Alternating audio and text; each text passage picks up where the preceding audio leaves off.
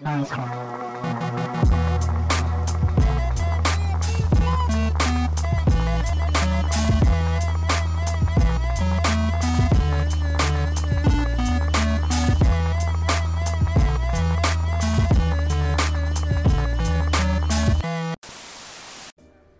ini kita ada teman-teman dari Dat Records sama Papaya Records mau ngobrol-ngobrol tentang rilisan baru mereka. Nah, eh coba nih ada ada ber berapa nih? Bertiga ya yang hari ini bakal cerita-cerita. Coba mungkin kita ini dulu kenalan dulu kali ya buat teman-teman yang belum tahu kali ya. Halo. Halo, halo. Siapa dulu nih yang mau kenalan nih? Uh, gua boleh. Halo semua, gua Catra, gua dari Dead Track atau Dead Records. Oke, bisa di siapa lagi? Gue Devi. Di sini gue ngebantu proses desain untuk visual kompilasi Dead sama. Oke, sama satu lagi eh, ada Adit ya. Adit, gue juga dari Dead Track. Nah, oke per- pertama kita mau mau ngomongin apa dulu nih? Eh, jadi kan eh eh, mungkin ceritain dulu sih tentang kayak mulainya masing-masing Dead Records dan Papaya Records tuh eh, mereka biasanya kalian tuh fokus di mana? Dan kayak kok tiba-tiba bukan tiba-tiba sih kok eh, apa namanya me- memutuskan untuk eh, melakukan kolaborasi gitu. Mungkin dari siapa dulu nih yang mau mulai? Dari Catra dulu mungkin dari Dead Records mau cerita tentang biasanya Dead Records tuh fokusnya di mana sih sebelumnya? Eh, kalau cerita mungkin cerita sedikit kali ya tentang Track ya. Hmm. Eh, awal banget sih kita basically berdiri dari pertemanan internet. Era, era Skus dan Cloud awal-awal waktu itu 2000 eh, kenal perkenalan dari internet dari 2009 sama teman-teman di Kaskus, habis itu mulai pindah ke SoundCloud 2010 11 terus akhirnya kita kayak apa ya? No inilah eh kopi darat lah ketemu ngobrol-ngobrol nyambung akhirnya per 2013 akhir kita akhirnya kayak udah yuk bikin-bikin gig bareng yuk terus kayaknya kebetulan kita semua produser waktu di waktu itu Hmm. bikin lah kita bikin eh gig bareng inget banget pertama kali itu di FX tempat namanya Fatback Hmm. di mungkin kalau yang tahun 2013 akhir itu gue inget kita gue inget banget kita bikin itu satu hari sebelum Talika konser di GBK tuh Oke. Nonton ya ya kita waktu bikin berli, li- ada lima talent yang nonton ya kita berlima. Biasalah. Lo tau lah ya biasa kalau main-main komunitas baru mulai ya. Tapi it was very fun kayak dan kebetulan tempatnya punya teman kita juga jadi segala macam music policy segala macam bebas ya udah mainnya amburadul mungkin lah seru-seruan aja gitu loh. Cuman that's where we get the chem- chemistry lah di situ. Mhm. Ya dari situ mulai kayak nonton gig bareng beberapa akhirnya eh kita memutuskan menjadi kayak satu pertama berangkatnya dari kolektif sih menjadi nama records Hmm. records ini tuh jadi kolektif karena pertama kali kita membuat inisiasi itu di 2014 pertama kali kita eh, di approach sama kawan kita dulu dia promoter yang lumayan sering di scene namanya Ashram kalau ada yang notice sering bawa bang sering banget bawa talent talent elektronik dari luar terus dia ajak eh, pertama ngajak gua karena ya salah internet waktu itu pokoknya internet intinya terkoneksi dari internet lah. Dia Mhm. ngajak gua habis itu eh ya udah gua ajakin yang lain kan "Eh, yuk yuk ini yuk apa namanya eh seru nih seru kayaknya. Kan kita juga nggak pernah punya pengalaman sama sekali you know the man behind the desk internet tiba-tiba suruh keluar dan akhirnya bikin gig segala macem. Udah akhirnya come up with a name lah pakai nama nama apa nih kolektifnya? Akhirnya namanya Dead. Ya udah Dead Track Dead Records. Deadnya itu sebenarnya eh katan sih Fendi Legend sebenarnya. Kayak ada tuh? Fendi Legend tuh kayak bahasa slang di US kayak artinya kayak kalau lagi fokus sama sesuatu lo tuh sampai budek gitu eh sampai sampai budek apa? Tuli dev. Hmm, Jadi kayak lo lo biasa kan kalau lagi sibuk sama sesuatu kerjaan atau apa tuh weh danang danang nang nang nang terus kalau suka nggak denger kan momen kayak gitu tuh tuh bahasa slangnya di US tuh dev and diligent Oh, oke. cok logi lah abis itu kan oh ya udahlah intinya kayak kalau kita lagi sibuk bermusik kita nggak bisa diganggu gitu Defend the Legend jadi ya sekarang tuh. Eh, akhirnya Defend the Legend emang kepanjangan kan. Mhm. Inspirasi namanya ya berangkat dari eh, ngefans banget lah di sama Ed Banger. Eh, Oke. Wah, Oh. Prancis itu berarti ya. itu early 2000 nabi gua Justice lah kalau ada Justice nabi dan kedua iya. lah. dan teman-temannya tuh banyak besar dengan dance punk dan juga electro clash dan eh, salah satunya ya Banger. Di saat itu Ed Banger Records nama Instagramnya masih Edrec E EDREC Hmm. Oke. Iya. 2013 tuh Ed belum menjadi Ed Banger Records kan kalau salah kalau salah Ed Banger ya kalau nggak salah sekarang Mhm. banyak-banyak visual-visualnya tuh namanya tuh Edrec gitu lah Edrec Edrec terus kan dia bikin kompilasi Edrec volume 1, 2, 3 dan seterusnya terus kayak udah Death and Legion kan panjangan ya udahlah Death aja. Jadilah. Tipis-tipis lah ya. tipis lah benar. Situ akhirnya berangkat dengan nama kolektif Death Track bikin lagi pertama bareng Ashram 2014 di Safe House eh, apa namanya sabareng eh, talent luar dari US namanya Magic Touch itu akhirnya bentuklah kita ber, berlima ya di 2014 sampai eh, sampai 2015 2016 tuh kita banyak fokus bikin gig bikin gig gitulah. Dan ya it was fun cuman main fail. Ya dit ya? Gimana tuh? Mungkin lo bisa lanjutin dit pengalamannya waktu waktu kita lagi berevolusi ya dari kayak gig maker gitu selama dua tahun yang mana sebelumnya kita tuh basically produser semua orang-orang di Hmm. balik balik layar yang emang produce musik dan lain-lain bisa ceritain dit gimana tuh suka dukanya tuh Ah, iya, jadi emang waktu itu belum nemuin bentuk ya sebenarnya kayak sebelum menjadi Death Track ya kita sekumpulan orang aja lah yang suka yang suka musik elektronik gitu. Terus ya cara paling eh karena kan sebenarnya kalau producing itu memang butuh waktu juga crafting skills gitu kan. Eh, ya kita pada saat mulai nggak semua orang punya skill itu. Jadi gua pun personally gue baru banget belajar eh, producing di tahun segitu gitu.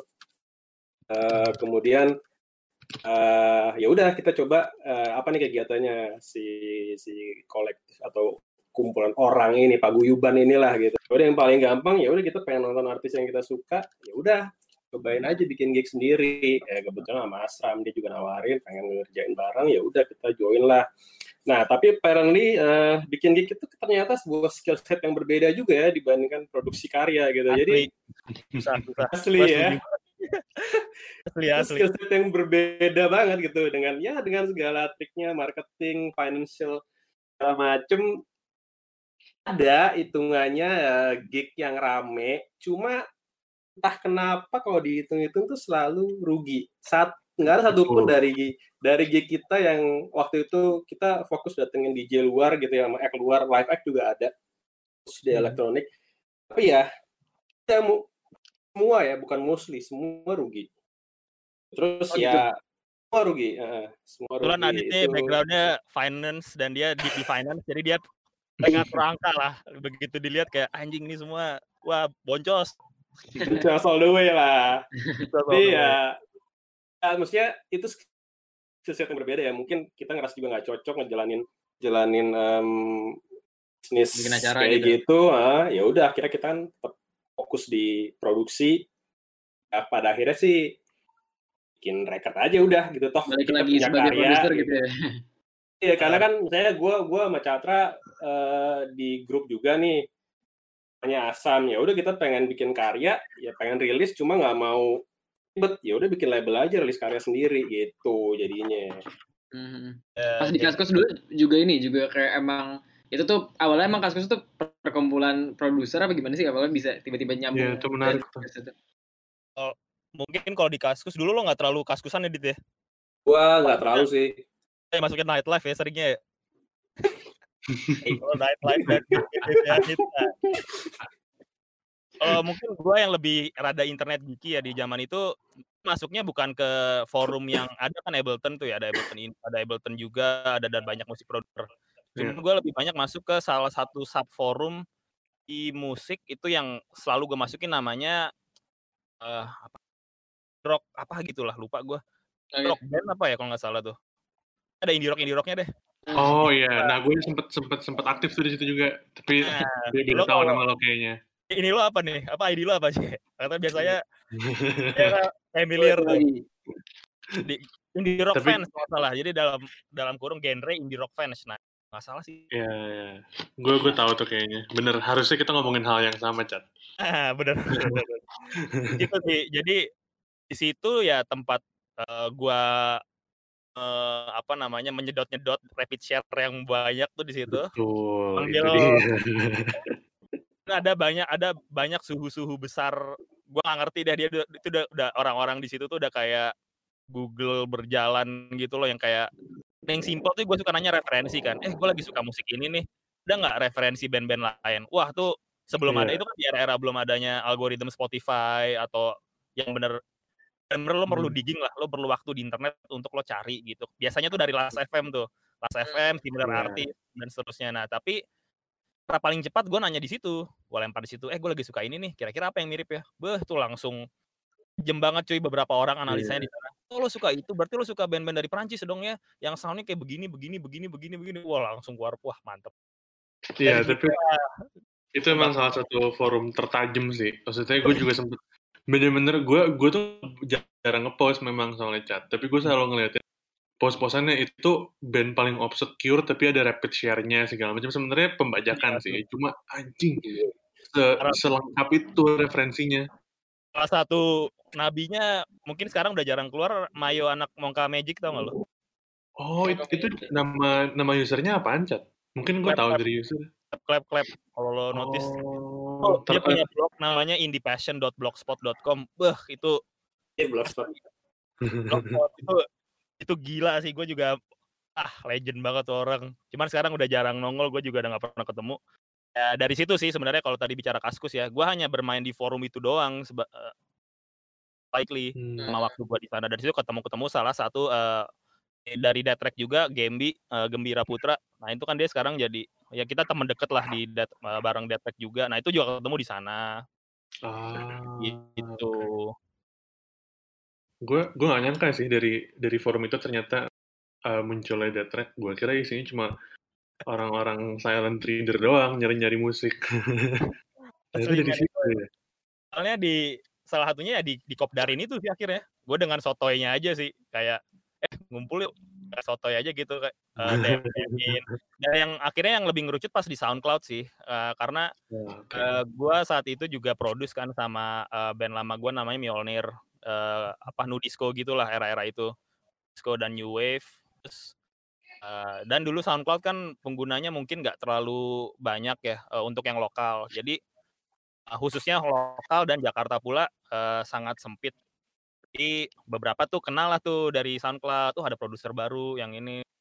Dan dengan even dengan produksi yang seadanya aja banyak yang udah ngepost ngepost karyanya gitu loh. Ya udah bisa kita gue DM-in beberapa lah akhirnya ada yang nyangkut yang cocok terus kayak ketemu eh kopdar ya ketemuan yuk.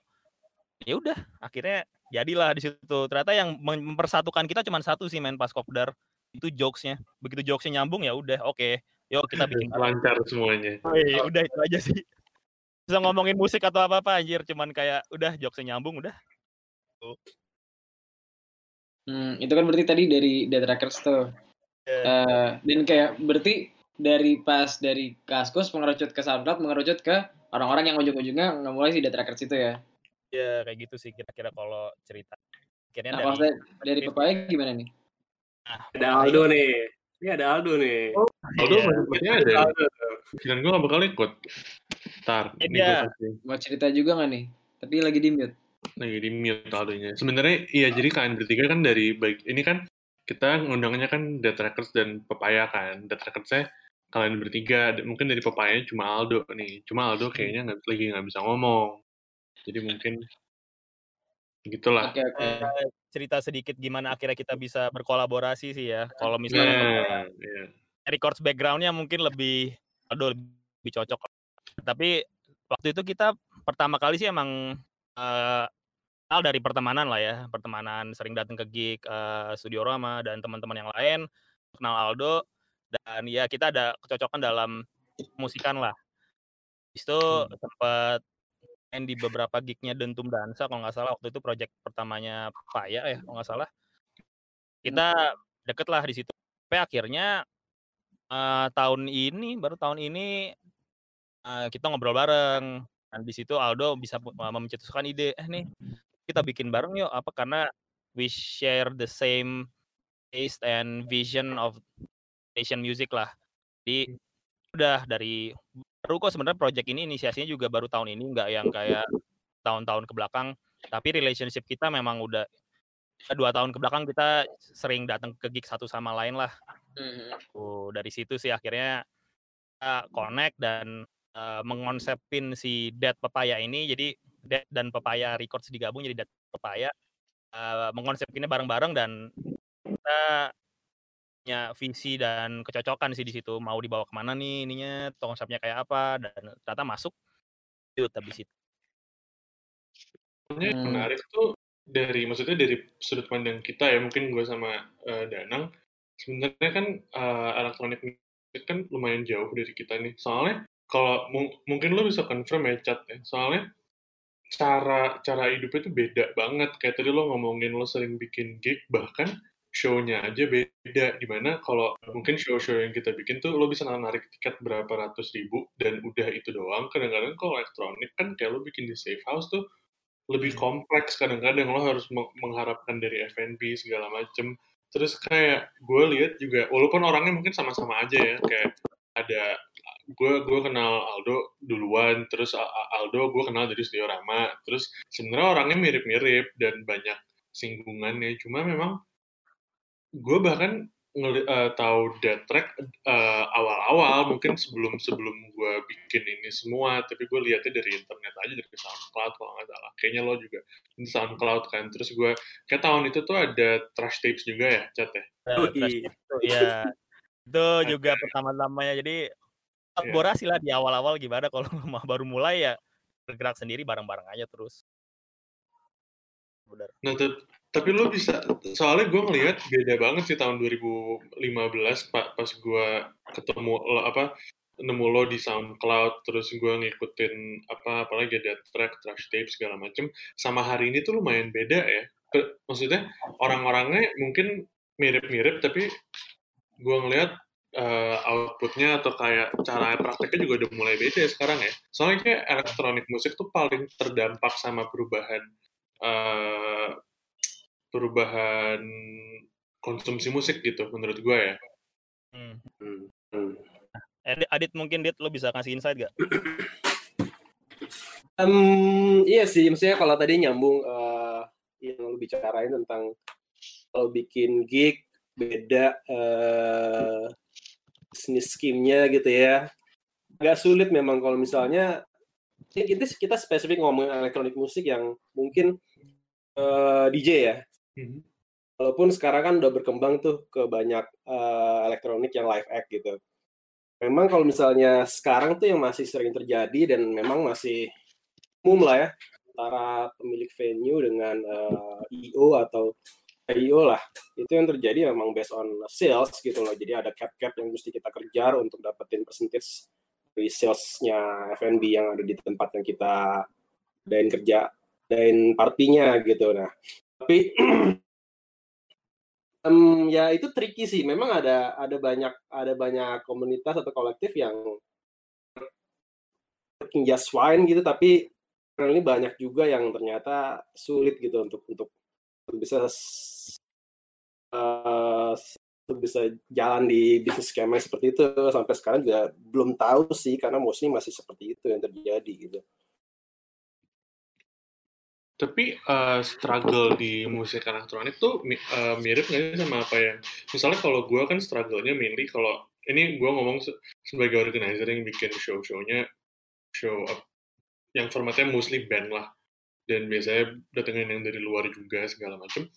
Struggle-nya tuh apa aja sih? Kan kalau kalau dari gue misalnya struggle-nya lebih ke eh, power struggle sama korporat terus lebih ke kadang-kadang kemarin gue baru ngomongin juga tuh sama anak-anak disorder.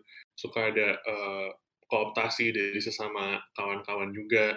Kalau di elektronik tuh gimana ya? Karena jujur ya gue kan dulu ngikutin tadi yang gue bilang gue gue, gue nemu kalian 2015 2014 di SoundCloud. Tapi sekarang gue kalau mungkin lo bisa ngasih gue clue sih kayak kalau gue mau ngulik musik elektronik itu di mana ya? Karena gue nggak ngelihat yang lokal di SoundCloud lagi gitu pindahnya ke mana terus sekarang arahnya ke mana gerakannya si musik elektronik ini? Karena gue udah lumayan nggak nggak ngikutin selama beberapa tahun terakhir. Kalau masalah struggling in terms of running a gig Mhm. mungkin sepengalaman kita kita juga seperti yang tadi Adit bilang juga kita hanya in gig kan di 2000 sekian itu 2014 2015 dan itu kan juga ya kita anggapnya learning curve lah. Jadi nggak deep down di situ tapi sejauh yang kita lihat memang nilai pertama nilai plusnya ya nilai plusnya elektronik gig itu khususnya yang sifatnya DJ ataupun live act yang live act lah ya eh, di lokal konteks bisa gua bilang logistik logistically lebih mudah daripada mungkin lo, eh, gig band ya kayak lo lo emang butuh stage dan lo butuh eh, apa namanya eh, tempat buat penontonnya terus ada backstage dan lain-lain dan lo butuh sound system alat-alat dan lain-lain lah. Tapi kalau dari sisi logis electronic music yang mungkin lo tahu juga kita biasa main di bar or bahkan sekarang eh, mungkin di band juga ya di coffee shop pun sekarang udah mulai diberdayakan saking minimnya tempat gig ya. Tapi persiapannya tidak sebesar eh, kalau lo bikin eh, namanya eh, gig band gitu yang full band. Itu satu salah satu yang paling tidak banget eh, dari sisi logistik. Karena kalau bicara apalagi kalau ngundangnya DJ gitu ya lo- lo cuman ya sound system yang proper tapi nggak usah yang wah yang cukup plus sama si DJ toh udah sama si DJ toh udah lo tinggal ajak 5 DJ gitu atau 4 DJ dan ya udah you can run a gig lah basically kayak gitu kan. Tapi kalau strugglingnya sendiri adalah eh, karena ya barrier of entry-nya tuh mudah dalam tanda kutip ya kayak almost everybody can make a gig gig lah saat ini kan. Of entry-nya adalah apa apa kesulitannya adalah bagaimana kita menarik crowd-nya itu. Apalagi kalau ada tuntutan dari si eh, venue owner. Kayak yang tadi Adit bilang kalau ada venue owner itu eh, fokusnya ke sales gitu kan ya kan jadi macam-macam kan. Ada yang venue yang fokusnya untuk building community ada yang eh, venue yang fokusnya ke branding ada yang venue fokusnya ke venue gitu kan. Sih yang strugglingnya gimana kalau misalnya kita sedang in gig di tempat yang fokusnya ke revenue kan di saat itu juga gigs eh, DJ gigs khususnya atau electronic gigs yang banyak juga di malam itu yang sama. Kita di satu sisi harus the campaign yang juga lumayan art yang mana itu bukan kita. Mungkin buat beberapa orang itu eh, mudah ya kan mudah dalam tanda kutip karena dia punya skill sedangkan kita kan nggak nggak bukan di bukan sana gitu desainer kan. Iya. Betul, bukan desainer dan bukan tea thrower dan kita bukan influencer yang bisa ngebawa crowd kan kan kalau kita bicara ekosistem itu kan macam-macam ya emang ada kayak crowd puller emang ada yang produs emang ada yang sifatnya logistiknya nah kita sih di Detrek nggak ada yang punya skill dan punya vibe seperti itu. Lo lihat sendiri aja lah kalau baca lihat di Instagram kita kita suka bilang unit musik arwah dan lain-lain itu basically itu kayak meme. Cuman kita emang kayak ya ya gimana kalau kita bikin kita basically producer we are trying to make a good music tapi kalau kita bicara gig ya, ya kita membawakan arwah. Dalam tanda kutip kayak arwah itu ya ya kita sulit untuk membawa crowd dan itu strugglingnya kita as a dead track ya. Tapi other kolektif mungkin emang yang udah cukup proper tuh ya dia punya lah orang yang emang untuk ke situ Eh, mungkin Sama- kalau Ah, gimana dit? Eh, sama nambahin juga sih mungkin kalau di di apa ya di electronic music yang kita mungkin ngomongin em, bukan live act ya yang bawain lagu sendiri tapi misalnya kita ngomongin DJ Eh, kan DJ bikin eh, main gig kan bawain lagu orang ya. Sedangkan kalau misalnya ki- kita nonton band kan kita tahu gitu lagu-lagunya band itu dan itu lagu-lagunya band itu sendiri gitu. Jadi emang eh lebih tricky sih maksudnya di di saat saat eh, orang seperti eh, sekarang itu nyari hiburan kalau misalnya ke tempat eh, misalnya tempat sebut tempat safe house misalnya gitu contohnya ya.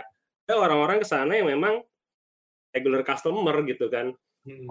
bukan orang yang datang untuk nonton DJ itu gitu loh. Sedangkan misalnya DJ itu pengen mainin lagu-lagu yang luar track luar jalur dia biasanya. Nah itu kan jadi nggak ketemu gitu. Sedangkan kalau misalnya kalau, misalnya kita nonton band ya udah emang yang lagu itu yang di expect kita. Akan bisa lari lah dari track itu gitu. Jadi ya, agak agak agak tricky sih memang. Antara kita mau crowd pleasing atau uh, a bit of both edukasi dan crowd pleasing atau atau pure edukasi. Nah ya itu di situ trikinya sih memang. Jadi ya memang nggak bisa disamain sih Hmm. Itu yang tadi gue mau bahas sih karena satu eh, kan sifatnya klub kan. Kalau misalnya gue datengin band gitu kan ya orang-orang datang untuk band itu kan. Yang menarik dari musik elektronik tuh orang bisa datang satu karena dia emang udah biasa ke tempat itu gitu. Jadi regardless mau yang main siapa akan untuk datang dua tadi mungkin eh, Catra bilang masalah eh, ada eh, beberapa produser atau DJ yang bisa narik crowd juga sebenarnya kan basisnya beda sama uh, menurut menurut gue ya basis affinity-nya tuh beda dibanding sama band. Kan kalau band oh aku dengerin di Spotify. Yang gue perhatiin kalau elektronik tuh jatuhnya lebih ke temen-temen banget ya terutama yang lokal ya gue ngomongnya kayak kita bisa mungkin gue bisa nyebut beberapa kolektif atau atau nama yang kalau dia main di mana pasti rame gitu. Dan itu basisnya temen-temennya gitu atau kayak karena banyak uh, mutualnya atau apa. Jadi kayak gue ngelihatnya ya mungkin lo bisa clarify atau expand kayak musik elektronik tuh lebih kolamnya lebih kecil-kecil gitu. Kayak lo punya satu poros misalnya safe house yang kayak begini terus lo punya poros lain di sini terus kecil-kecil semua gitu. Terus ada ada orang yang emang akan stay di kolam itu atau kadang-kadang bisa ditarik-tarik ke mana-mana hanya karena ada beberapa produser atau DJ yang uh, banyak banyak temennya quote unquote jadi kayak bisa narik crowd-nya bener nggak sih kayak gitu menurut kalian gimana? Dit, silakan kalau mau respon. Hmm, mungkin ada benernya juga ya. Karena kan basically kan kalau lu lu party kan ya pasti yang lu ajak temen-temen dulu lah. Dan kalau isinya sifatnya party ya kalau sepi udah pasti nggak seru gitu. Dan dan gue juga nggak nggak bilang enggak sih atas eh, pernyataan lo tadi. Kalau misalnya emang ada kecil di sini kecil di sana kecil di sini kecil di sana gitu. Emang kayaknya sih masih seperti itu ya gue lihat ya. Masih sih masih seperti itu. Jadi emang ya masih kayak gitu sih kalau gue lihat. Dan kalau misalnya kalau dari eh, kita sebagai si Dead Records dan mungkin juga Papaya Records juga ya, eh, kan kalau dari Dead Track, eh, honestly pengen sih kita punya crowd. Cuman gue pernah punya beberapa pengalaman juga yang saya main di panggung besar dan dapat kesempatan lah intinya untuk dapat exposure yang cukup besar. Mhm. Tapi di situ challenge-nya adalah idealisasi gue gitu. Maksudnya punya gue sama Adit punya lagu sendiri, kita punya style sendiri, tapi di saat kita memainkan itu eh, kita banyak terekspos juga sama crowd-crowd yang ah, bias tadi balikin kayak dibilang di Adit, si Adit ya, karena electronic music itu relate sama eh, party, jadi banyak yang memang datang tuh mencari kesenangan dan begitu dia begitu dia apa namanya begitu dia denger satu atau dua notes yang emang dia nggak cocok sama dia aja dia tuh bisa langsung langsung apa namanya langsung left gitu langsung left the club dan Iya. Karena ekspektasinya langsung berubah tuh. "Ah, ini kan yang biasa reguler kayak gini kok sekarang tiba-tiba kayak apa namanya eh kayak kayak misal kayak yang gue mainin yang beda banget sama yang dia expect gitu. Eh, di situ sih gue belajar dan gue ngelihat kayak gue lebih prefer main di intimate gig aja tapi gue gua mempunyai wadah atau platform untuk gue berekspresi as track ya as track or asam ekspresi dengan uh, apa yang gue gua suka dan apa yang gue rasa ini uh, ada sisi bisa mengedukasi orang bukan berarti kayak punya pengetahuan yang luas cuman pengen gue sharing ke orang-orang. Gitu gitu. Karena ya tadi ma- ma- poinnya adalah kayak aspek sosial itu tinggi banget gitu. Lo bisa Ya, bener bener. tadi lo lo bisa cabut gitu kalau kayak ini apaan sih? Gue biasanya nggak gini kok gitu. Jadi kayak celahnya bukan ya celahnya tuh tipis banget gitu antara lo bisa punya crowd atau enggak terus apa kalau bisa punya panggung apa enggak. Terus hal kedua yang gue perhatiin ya mungkin mungkin ini ini gue sebagai orang awam dari luar ngelihat musik elektronik ya. Sebenarnya regenerasinya gimana sih? Chat atau Dit atau Devi? Kayak gue soalnya belum mungkin yang yang gue kenal main musik elektronik dan seumuran gue kayak lahir tahun 97, 98, 2000 itu paling cuma Kevin doang. Kayak Usa ya Kevin Usa Kevin Usaha dia di sini nih, tapi dia lagi ngerekam, jadi dia nggak bisa ngomong. Uh, Iya, iya. Jadi uh, regenerasi musik elektronik itu gimana ya so far? Karena gue ngelihatnya jujur kelihatannya ini lumayan toko juga nih isi-isinya gitu. Bener nggak? Lo kalau ngeliat gua toku lo jangan sampai tahu Adit lebih toku lah. Hai. Ada Gendira Putra wah gawat. Cuman kalau mau- mungkin lo bisa tambahin gitu ya. Uh, Iya. kalau regenerasi, nah ini, ini juga menarik sih. Kalau tadi sempat lo sempat nanya, karena sih kalau gue mau explore electronic music, gitu kan di lokal khususnya, jangan yang di luar. Oke. Eh, ini kehebatannya algoritma sosial media sih. Nah, Hmm. nah ini yang mungkin bisa jadi ini, ini udah technical banget kali ya. Cuma mungkin noise horror dengan eh, ekosistemnya tuh udah kebentuk juga di Instagram sehingga lo terekspos dengan yang eh, ya dengan yang tuh kira-kira relevan lah sama lo gitu loh. Sehingga eh, mungkin lo jarang terkena terekspos sama yang track nah expose.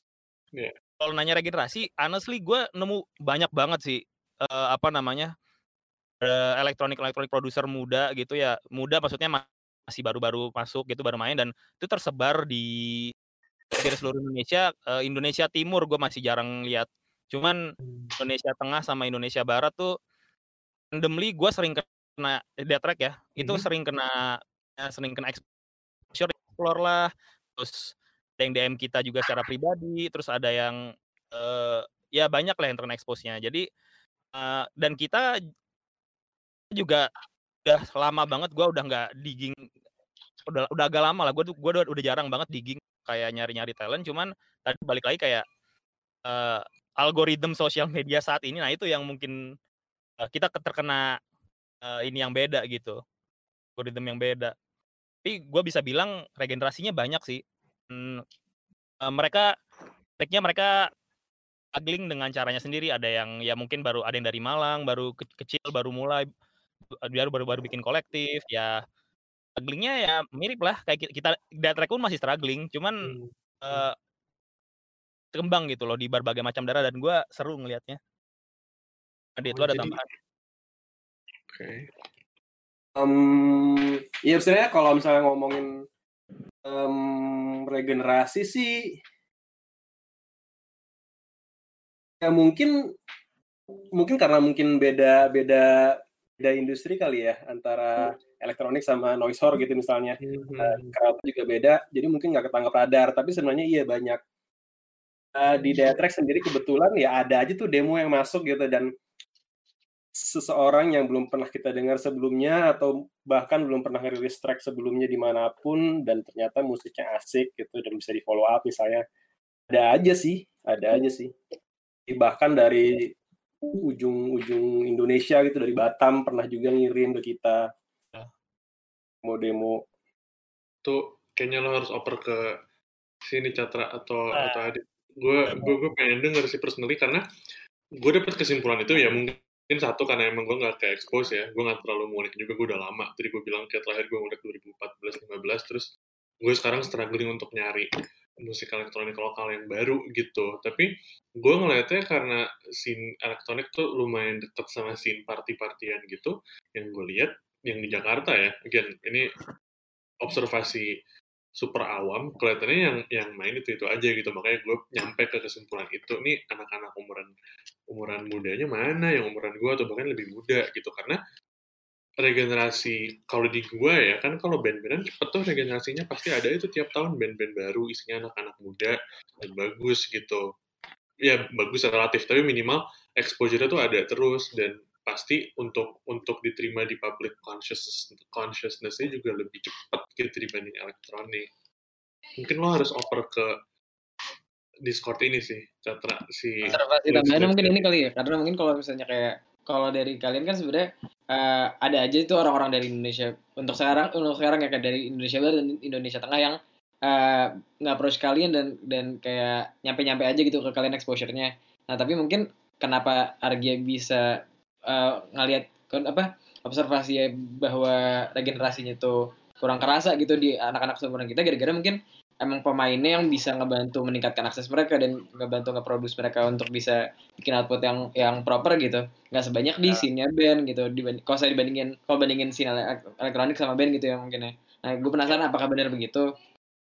Eh, mungkin gue iya. Ya, Nah, kalau menurut gua mungkin ada benernya juga ya. Kalau dilihat dari kayak mm, ada untuk men- kayak menampung mereka ya, mungkin Hmm. di di lokal memang nggak begitu banyak yang sifatnya eh, record label. Kita pun juga sekarang di Death Track masih men-shape kayak definisi record label tuh apa sih? Apa sih scope of work-nya kita? Dan itu juga kita masih mendalamin banget sih eh, karena ini kita bilang kayak project passion yang eh, lifetime gitu loh. Kayak kita punya kerjaan sendiri yang full time dan lain-lain, tapi ini tuh nggak pernah hilang kan. Jadi ma- bisa kita eh, pandang sebelah mata do mata juga. Jadi kita juga tetap shape record label tuh apa. Jadi dan untuk spesifik yang di electronic music dan eh, electronic music kan akhirnya sama kayak band-bandan lah, lo punya warna sendiri-sendiri kan. Yang- Hmm. kalau Death Track lo lihat lah dengan sok-sok kegelapannya itu dan kemisteriusannya segala macamnya itu ya eh, bedahnya mungkin nggak banyak dan eh, sekarang musik yang dibilang gelap dan juga kelam dan harsh violent itu udah mulai banyak diterima dan sehingga produser-produser banyak yang mulai memproduksi juga ke arah sana. Tapi memang bedahnya sedikit sih. Mereka mengasih Iya. outputnya nih ke mana nih? Compare sama band-bandan ya. Gue kan juga ngeliat-liat ya dari uh, movement-movementnya dari yang ya Kolibri terus uh, apa namanya sekarang ada Noise Whore dan lain-lain tuh uh, gue amazed banget juga sih dengan ininya dengan etosnya tapi kalau elektronik musik eh ya sih positioningnya karena eh, kalau bisa bicara eh ada dengan type tertentu memang belum banyak sih elektronik Mhm. musik ada tambahan dit Tambahannya ini sih, sebenarnya dari tadi kan kita ngomong electronic music nih, tapi sebenarnya kan electronic music itu sebenarnya nggak cuma eh J gitu loh. Tapi Hmm. ngomongin kita ngomong electronic musik yang pure-nya pure band bentuknya gitu loh. Hmm. Jadi benar-benar orang atau sekumpulan orang yang bikin musik dan kalau manggung bawain musik mereka sendiri, nggak bawain musik orang lain. Dan mungkin yang itu bisa diperlakukan sebagaimana oh band juga gitu ya Banyak band gitu loh. Mereka bisa Iya. di tempat panggung, udah saat mereka berdiri di panggung, ada crowd di bawah gitu, ada ada gapnya gitu. Tapi kalau misalnya DJ kan agak beda ya, karena kan mereka iya nggak oh iya, iya, iya. Nah, jadi kayaknya kita mengerucut ke musik elektronik yang DJ nih gitu loh. Tapi sebenarnya ada dan banyak gitu loh. Live act, live act yang benar-benar bikin lagu dan bawain lagu sendiri gitu loh. Hmm, hmm, hmm. Itu sih. Nah, Nah, kalau kaitannya sama itu eh tadi si live act itu ya udah seperti halnya band aja sih menurut gua. Cuma kalau yang DJ mungkin karena kan ada ya ini yang gua lihat juga ya bisa jadi gua salah gitu. Eh kalau misalnya kita ngomongin eh elektronik yang DJ pasti kan jatuhnya party ya. Kalau party kan orang pengen having a good time. Nah, balik lagi ke apa yang tadi gua sempat sampaikan juga sih. Jadi kalau misalnya ternyata kita mainin lagu-lagu yang bener-bener cocok sama crowdnya ya mereka bisa langsung cabut aja gitu pindah ke tempat sebelah gitu sedangkan kan kita venue dan IO bergantung pada penjualan sales saat ini ya skema yang terjadi nah itu kan nggak jadi nggak favorable untuk dua belah pihak gitu loh Hmm, hmm. Nah, emang beda. ya pendekatannya treatmentnya. Nah, tadi kan kalian sempat sempat ya udah apa kayak sempat ngejelasin nih kayak challenges kalian sebagai entitas yang bergerak di apa namanya? eh sebagai eh sebagai sebagai lab- label yang fo- apa namanya condongnya kayak electronic music gitu dan eh, apa namanya? eh apa ya selain challenges tadi kayak ya situasinya saat inilah kurang lebih gimana gitu sejak kalian mulai. Nah, dan kalian kan bilangnya tadi kalau misalnya ngeplan untuk berkolaborasi dengan PPR Records tuh baru tahun ini gitu kan. Nah sebenarnya apa sih yang mau dicapai dari kolaborasi ini? Apa yang kayak yang sebelumnya kalian sebagai entitas masing-masing sebagai Data Records dan PPR Records tuh belum bisa capai dan kayak kena apa ber- dengan berkolaborasi ini harapannya gimana sih? Eh, untuk yang kolaborasi sama Papaya Records kita Hmm. uh, output uh, ultimate outputnya adalah kita akan bikin kompilasi. Hmm. Kompilasi yang harapannya bisa menjadi artefak untuk musik Indonesia bergenre ya gue bilang ya, tapi bernuansa post club atau deconstruct club music. Itu. Kita sebut nama kompilasinya itu Moda Ekuator. Itu Hmm. adalah uh, ultimate goal dari project ini. Nah, harapannya adalah uh, jadi kalau kita ngomong di construct club music, post club music itu mungkin bahasanya terlihat sangat edgy dan gimana ya. Cuman ya itu basicnya adaptasi dari luar lah ya.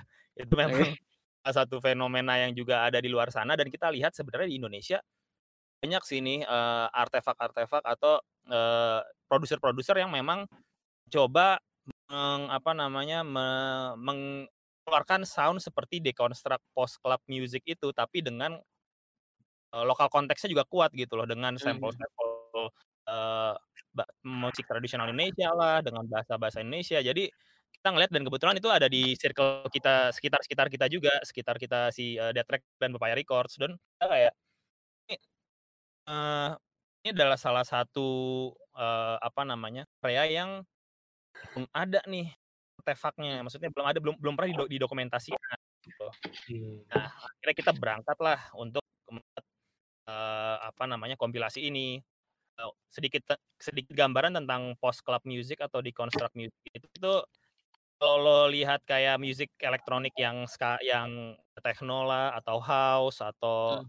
electro dan lain-lain itu kayak modern music tapi kalau di art nih sekarang deconstruct tuh kayak postmodern gitu loh postmodern music kalau lihat kalau secara estetis tuh sifatnya kayak dystopian kayak dark web hmm. yang kayak gitu-gitu nah itu aesthetically ke arah sana dan itu soundnya pun juga udah blended banget dari yang kayak orang bisa nyebutnya mungkin dengarnya kayak eksperimental, middle of eksperimental, tapi ada densinya juga karena ini kita tetap bicara post club ya, maksudnya nuansa clubnya tuh masih ada, jadi densi, eksperimental dengan ada noise-nya lah, terus ada yang kayak syncopation atau apa gantung-gantung gitulah soundnya terus apa uh, beatnya, terus juga uh, yang menariknya ini kita mau uh, di teman-teman sekitar kita tuh ngebawa lokal konteks yang juga kuat itu sih uh, tujuan yang mau kita capai. Sekarang kita udah uh, untuk kompilasi ini kita ada 12 talent yang udah kita approach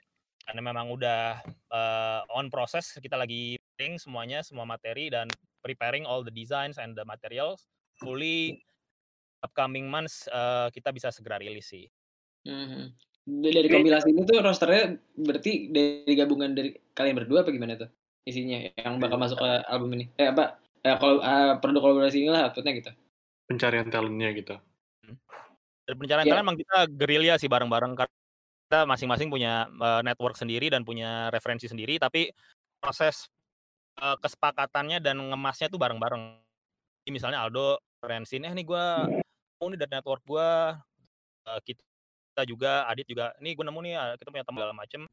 Uh, dari sekian banyak itu kita sort kira kita ngerucut ke 12 dan emang itu udah kita sekatin bareng sesuai dengan vibe dan uh, pakem-pakem yang udah kita bikin dan kita sepakat.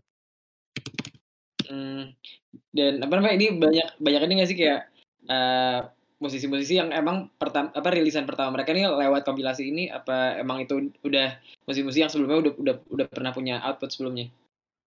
Ini menarik sih kita juga kita pengen mix ya, maksudnya mm, kita nggak pengen juga terlalu apa namanya terlalu berat ke teman-teman dan akhirnya kayak atau berat ya ke temen orang-orang yang senior senior dalam tanda kutip tapi kita juga ngasih ruang buat yang muda. Nah kita ber, mencoba mix sih. Jadi ada beberapa yang memang ini kayak rilisan pertamanya di uh, dalam uh, peta permusikan elektronik lah. Tapi ada juga yang memang udah langganan rilis, memang pemain scene gitu. Jadi kalau hmm. lihat di nama-namanya kan kita udah sempat rilis juga tuh beberapa kemarin. Ya. Jadi ada ada dari Surabaya ada namanya Tamat. Dia kayak core gitu seru sih. Gue pertama kali tahu dia juga dari pas dia Antitrust itu Antitrust tuh recordsnya Surabaya pakai sampelnya ini Dit itu wali kota siapa namanya Bisma Bu Risma Risma Risma iya Bu Risma wah tuh ajaib sih gue pertama kali tahu menarik gitu loh. Ntar ntar uh, lo bisa search deh uh, tamat koleksi ini uh, rilisan sebelumnya. Mhm. Kebetulan di si Gembi teman kita di Detrek dia punya koneksi juga ke, ke si Eri salah satunya membernya si Tamat ya udah kita approach ngobrol cocok terus ada ada eh Mixit itu Ita ada eh produser eh, produser dan DJ juga ya atau selectors gitu eh dia dia kolaborasi sama. Gak susah sih misalnya X X apa gitu ya. Apa sih nyebutnya tuh gue juga ada ribet nyebutnya. Philip namanya. itu eh, ada dia juga dan dia apa namanya apa namanya sound sound yang dikasih itu juga ajaib ajaib sih. Kita juga pas denger kayak wah gila nih uh, produce banget ya. Dan karena eh, post clubnya ini buat musiknya tuh nggak ketebak gitu loh. Lo kalau misalnya denger lo anggap kayak DJ four on the floor yang emang buat dancing ya ini juga ada dancingnya cuman musicality-nya lo juga tetap kayak nggak bisa nebak kayak kok bisa sih lo ngasih sound seperti ini di tengah-tengah beat kayak gini? Kok Mhm. tiba-tiba aransemennya juga nggak wajar yang kayak misalnya ada intro ada bridge ada apa ini juga aransemen juga nggak wajar. Mhm. ada fraktal dari Bali eh, modular modular apa namanya menggunakan alat modular ada ya salah satu produser muda dari Malang kita eh, ngajak Hilmo Hmm. itu dari Malang dia punya radio namanya Radio 404 apa kalau nggak salah. Nah itu yang salah satu yang gue bilang eh, rilisan pertamanya mungkin ada di Moda Ekuator ini dan salah satu produser baru yang kita juga rasa kayak wah ini juga relate sama tadi Argiananya ya Mhm. seputar regenerasi ya. Ini juga salah satu wadah yang pengen kita capai ya mengkolaborasikan dan juga ada regenerasinya nggak pengen terlalu eksklusif senior senior aja bahkan Hmm. yang muda aja gitu tambahan dit Hmm, nggak ada sih. Ini fun fact sih, fun fact. fun fact tentang moda ekuator gitu. Mhm. biar tahu aja sekalian. Gimana, Jadi gimana? awal-awal tuh, aduh nge-DM lewat Instagram atau lupa apa WhatsApp gitu. Dit, eh apa kabar? Ya biasalah basa-basi dulu kan. Akhirnya dia mengajukan ide. Kalau gimana kalau kita gabung join forces? Oh iya oke seru nih. Bentuknya gimana? Merger. Anjir merger. Ini apa kompetisi nih? Siapa makan siapa gitu. Hmm. nah tapi ya waktu itu seru sih idenya seru. Cuma gue pikir kayak kita coba bikin project aja do dulu do sebelum lebih jauh gitu. Nah itulah kenapa kita lahir dengan kotor ini gitu. Project antara dua. Label lah. Kita nggak tahu apakah nanti beneran jadi merger atau akuisisi ya nggak tahu. Jadi mungkin merger habis ini ya. nggak Ini- tahu nggak tahu. Ah. jadi dulu. Tapi eh, ini semua tadi lu bilang planningnya kan di tahun 2020 kan. Berarti dan sekarang lu belum rilis jadi masih eh, lagi mantepin segala macamnya. Berarti kalian melakukan ini semua secara logistik jarak jauh kan dan emang ternyata pas gue denger juga ada yang dari Malang, ada yang dari Surabaya. Proses logistiknya gimana ya untuk menurut eh, sejauh ini prosesnya gitu kayak kalian nerima materinya, mixing, mastering, terus bikinin desainnya, itu semua berarti jarak jauh. Dan struggle-nya kayak gimana? thanks internet sih Internet aja langsung ya? Internet sih semua salah satunya juga Devi. Devi kita bisa connect dari Aldo juga. Jadi untuk Oh. desain desain kita eh, apa namanya connect dari Devi dan kita kena banget sih sama taste-nya langsung cocok. Dan untuk logistik basically kita kiriman file aja seperti biasa kan karena mereka juga musisi elektronik ya yang bisa ngeproduce musik di kamar gitu ya. Gak terlalu banyak masalah dari sisi musik produser kirim kiriman file ntar kita dengar kita kita komen bareng kita eh, kita komen bareng kita kasih feedback. Kalaupun ada feedback kalau nggak ada kumpulin dengan kalau ngomongin toolsnya simple sih cuman pakai Google Drive Google Oh, Spreadsheet untuk kayak iniin untuk kayak project manager. Terus eh, kita setiap Kamis kita ada eh, check in call kayak ngupdate aja minggu ini mau ngapain dan apa yang kurang sama WhatsApp. Terus Aldo juga kan dia di ini ya di Papua nih kalau buat yang belum pada tahu kan lagi penugasan di sana dan kebetulan dia juga fleksibel waktunya biarpun beda dua jam nggak begitu masalah Eh, dan Aldo juga banyak ngasih referensi untuk dari sisi estetik desain dan referensi bagaimana kita bawa ini to the next level Aldo banyak banget ngasih referensi yang kita kita sendiri juga nggak sempet untuk keluar. Jadi saling mutualisme sih. Kalau di Death Track bagian kerjanya lebih banyak kita fokus ke musik, tapi di Papaya Records uh, lebih banyak untuk bagaimana secara estetik dan juga secara branding dan juga secara komunikasi keluar kita bisa apa namanya uh, deliver visi kita ini. Jadi bagiannya lebih ke situ sih. Hmm, dan emang yang yang menarik tuh gue ngelihat rilisan elektronik banyak yang ujungnya dijadikan sebagai uh, semacam archive gitu ya kayak kalau ngomongin yang mau lo rilis sekarang mode Equator tuh sebelumnya mungkin lumayan apa dentum dansa kan sebenarnya lumayan influential kan saat itu S sampai sekarang mungkin kasetnya masih mahal setahu gue Iya, yeah, wah tuh Aldo.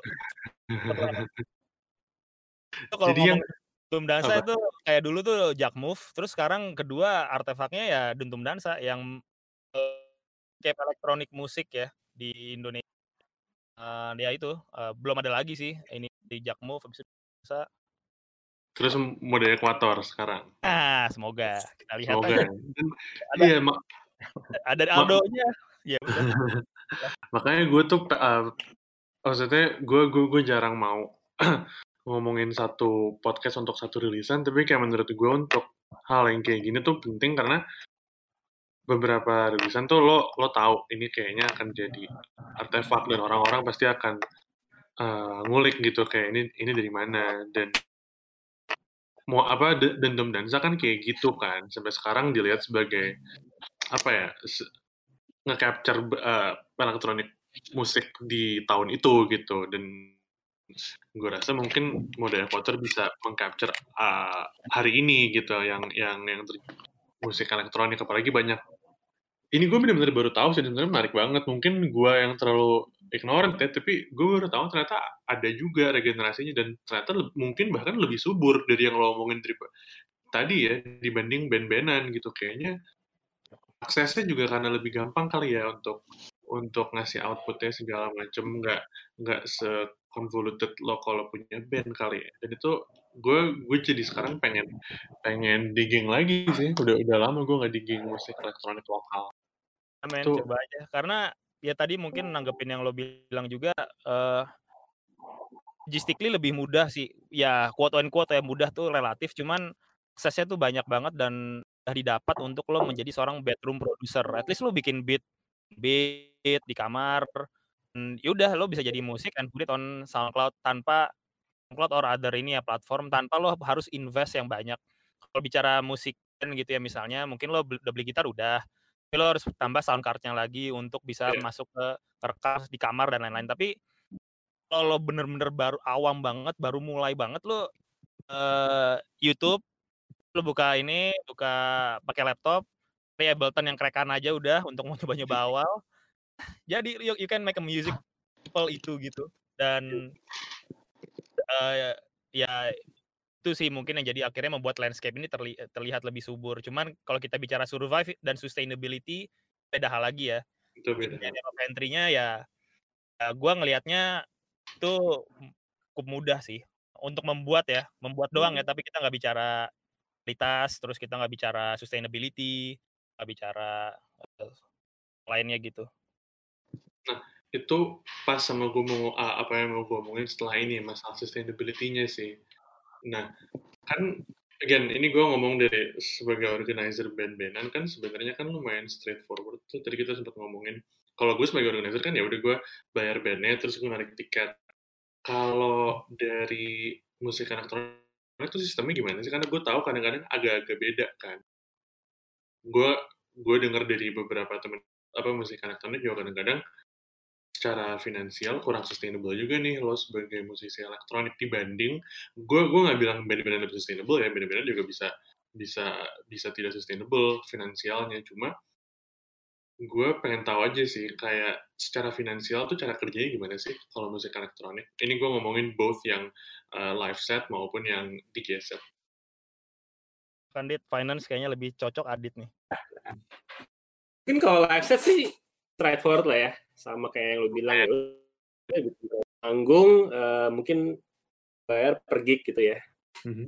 Uh, tapi kalau misalnya yang DJ, memang ada lah, maksudnya ya kan mungkin ada yang kelas tier-tiernya ada lah ya tier-tiernya mungkin kalau misalnya kita ngomong spesifik yang uh, baru mulai karirnya misalnya mau beneran jadi DJ as a career gitu uh, kayaknya emang lo harus nyari geram cari label sih untuk outlet lo ngeluarin kreativiti lo hmm. banyak kok uh, yang gua tahu gitu ada beberapa gua kenal yang mereka aktif ngerilis di label luar gitu loh Oh. Di musik elektronik ini kan boundaries uh, untuk rilis label luar tuh nggak sulit itu sebenarnya gitu loh. Ya lu bisa connect lah dan dan mereka beneran beneran mau kok ngerilis musik musik uh, sama artis yang baru gitu. Dan standingnya orang sana kan ya, beneran gitu loh. Mereka beli beli track digital ya beneran bayarnya gitu. Mereka kalau banyak yang survive aja sih. Selain itu, kalau misalnya lo uh, mulai karir sebagai DJ ya, itu produce juga sih gitu loh. Kalau sekarang ya, bisa survive, cuma agak sulit kalau misalnya hanya menggantungkan dari DJ gitu ya. Jadi kalau ngomongin karir karir pet kayaknya mirip dit ya antara band sama sama DJ. Misalnya kalau band mungkin bisa berawal dari sambil mereka belajar berawal dari jadi home band sesuatu cafe gitu misalnya ya mulai latihan latihan secara teknis, panggung dan lain. Nah, J pun atau electronic music yang bukan live set tapi ya ini yang dari berangkat dari DJ ya banyak juga yang mulai juga karir path pertama ya mereka masuk di VKV, kafe-kafe untuk menjadi presiden DJ, even itu FNB DJ. Tapi banyak teman-teman kita juga dit ya yang akhirnya mereka survive dari berangkat dari situ, survive dan akhir uh, mereka uh, thrive lah in the uh, DJ industri gitu ya. Dan hmm. akan lebih lengkap lagi kalau dia akhirnya memang produce producing dia punya punya produk. Ya. Kalau band dia punya lagu sendiri itu kan udah level ya sama yeah. DJ next levelnya once dia punya produk sendiri atau lagu sendiri. Nah itu uh, itu bisa uh, naiknya gitu. Iya, ibaratnya mirip band zaman dulu sih, ya apa jadi home band atau jadi apa itu masuk akal sih. Cuma Tadi soalnya pertanyaan gua berawal dari gue mikir kalau per gitu kan ngikutin apa yang konsumen mau banget kan ya kayak bener-bener kalau emang lagi orang-orang pengennya ini ya ini gitu atau kayak mungkin tren-tren akhir-akhir ini kan banyak tuh yang kayak nggak mungkin tidak tidak sesuai dengan banyak orang lah gitu kayak di klub-klub kan lebih banyak uh, hmm. misalnya gitu karaoke sekarang atau gimana itu kan soalnya geser banget kan dan uh, concern gue si DJ DJ yang punya style sendiri itu terancam nggak ya dari dari dari hal-hal kayak gitu apa apa memang mereka berarti dari awal sudah punya niche sendiri dan akhirnya ya udah di situ terus sampai mereka produk sendiri mereka rilis di luar segala macam gitu dari pengalaman lo gimana? Edit. Hmm, Ya, sebenarnya ya, jalur sih beda-beda ya. Tapi kalau hmm. misalnya mau optimal ya menurut gue ya, hmm. jus dan ya, coba rilis label luar sih gitu loh kalau mau optimal ya menurut gue. Hmm.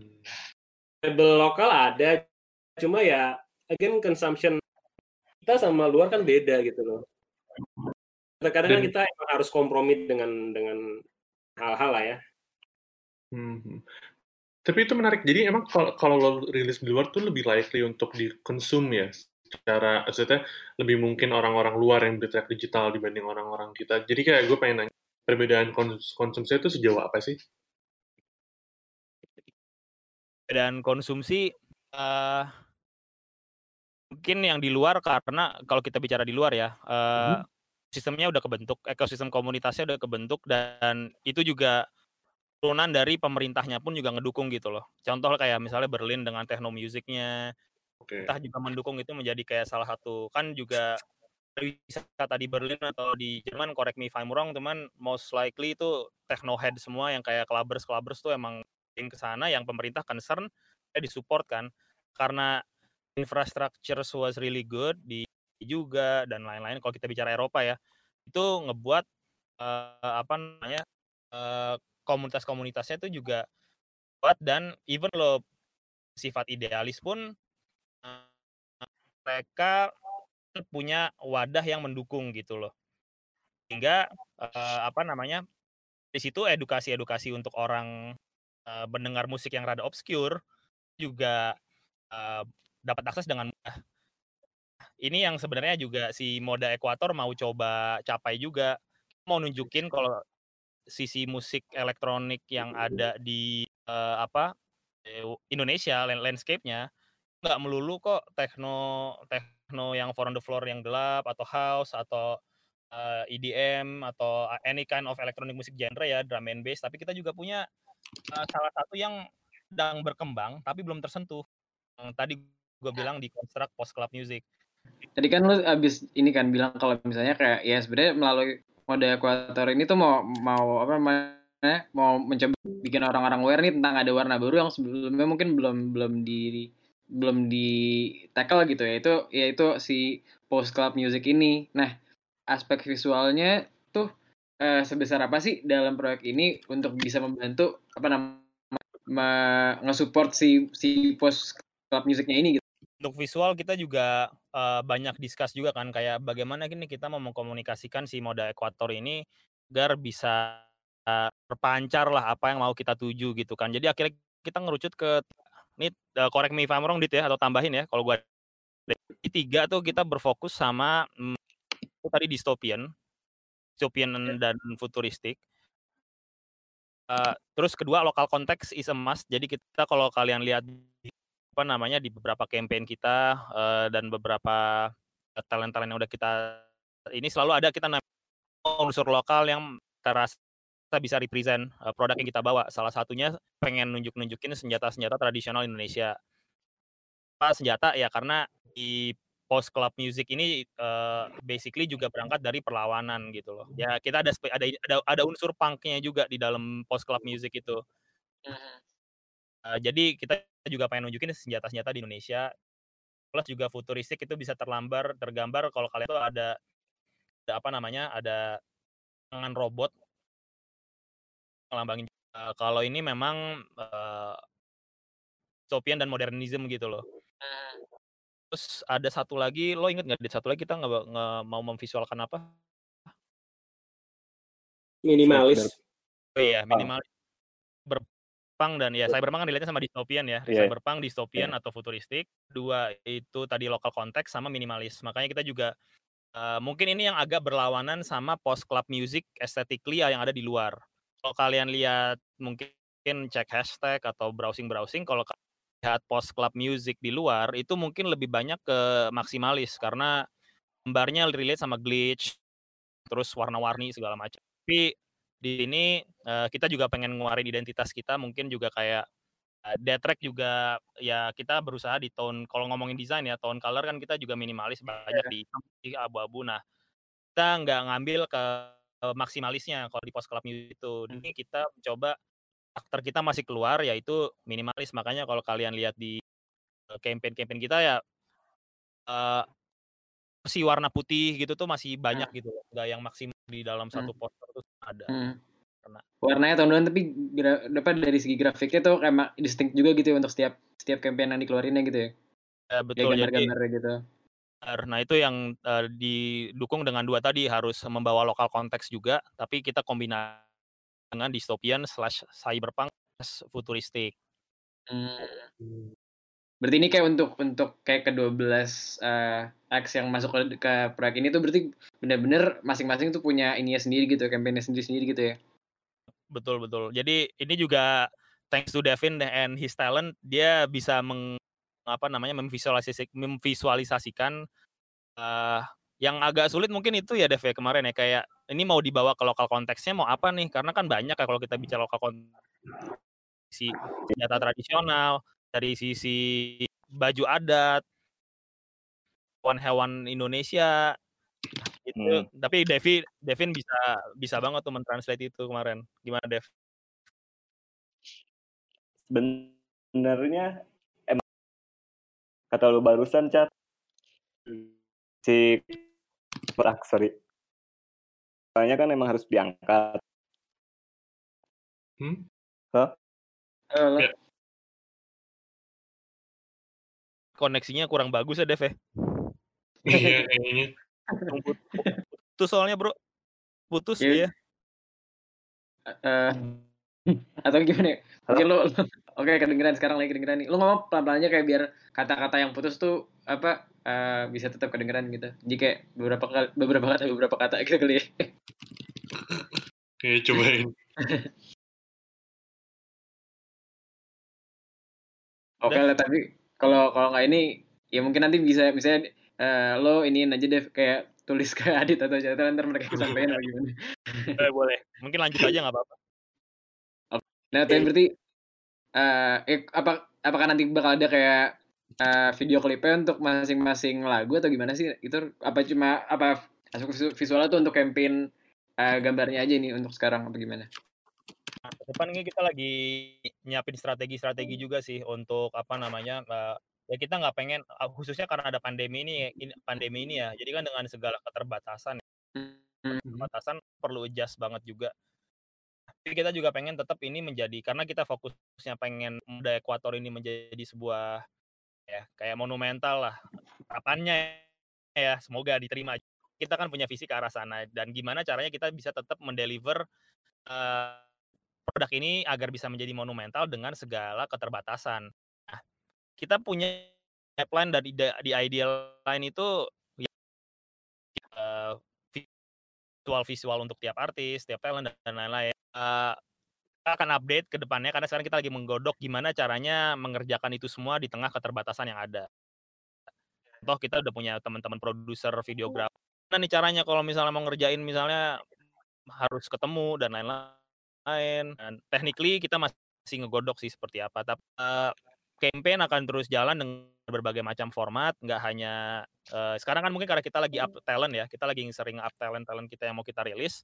Ntar ke depan setelah semuanya keluar talentnya, nah ntar akan ada medium-medium lain yang mau kita coba eksperimen. Dari Oke, pipeline oke. sih eh, itu sih eh, video klip sudah termasuk di pipeline. Tapi again di masa pandemi ini itu menjadi sebuah challenge tersendiri. Kemudian juga di pipeline juga kita eh, untuk promosi-promosi juga eh scouting keluar juga. Eh, karena juga pengen ngebawa selain untuk membuat ini perkuat eh, fondasi lokal electronic music kita, kita juga pengen showing to the world kan kalau Indonesia ini punya loh eh, yang seperti ini.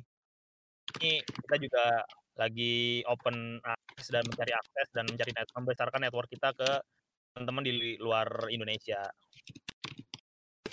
Oke. Jadi se- eh, sebenarnya mirip ya sama sebenarnya bikin kompilasi elektronik atau apa pun sebenarnya mirip juga pipeline-nya, caranya, promosinya gitu-gitu. Tapi ada yang unik nggak dari dari eh, effort promosi kalian? Karena gue ngelihat kalian sekarang lagi eh, rilis-rilis nama, terus bikin promotional flyer gitu-gitu. Eh, ada ada eh, apa ya ha- ha- hal yang unik apa yang yang yang dibawa dari eh, promotional effort kalian gitu. Kalau yang unik mungkin ada cuman kita belum bisa announce sekarang dalam waktu dekat kita akan Ah, ada oke. itulah yang mungkin rasa ini cukup wah dan unik eh, etis buat kita ya kita ngeliat kayak wah ini bisa banget nih dan ini menarik banget. Eh, tapi di di luar itu ya kalau kita bicara elektronik karena mat, eh, prosesnya itu most, mostly itu digital ya. Itu sampai mastering pun kita kerjasama sama namanya eh, salah satu eh, founder dari Boom Arm Nation itu kayak record label di US, base-nya di Portland. Namanya Jesse, si siapa namanya panjangnya dit ya? Lo inget gak? Si Apa siapa? namanya? Si Murlo, Murlo ya, Jesse, Jesse, si- Jesse siapa lah itu? Dia ngebantuin kita untuk Sering. apa namanya? String. Eh, sorry untuk master. Hmm, Nah, eh, apa namanya di situ itu juga salah satu yang apa namanya untuk membantu kita ngebuka network-network juga gitu. Eh, lalu juga karena semuanya most likely digital, kita eh, banyak lah eh, ide-ide memang yang unik-unik. Contoh kalau sekarang kita lihat di electronic music. Karena pandemi ini kan banyak nih yang pada kreatif untuk bikin kayak uh, live uh, digital broadcasting lah, habis itu live DJ broadcast nonstop berapa jam, sekarang mungkin salah satu uh, per sih kalau lo masuk di di electronic music. Kayak tadi gue bilang logistically terlalu seribet kalau lo gig dan itu membuat kita jadi punya ide-ide yang unik. Jadi tunggu aja nanti. Oke oke. Nah uh, mungkin ini kali ya sekalian.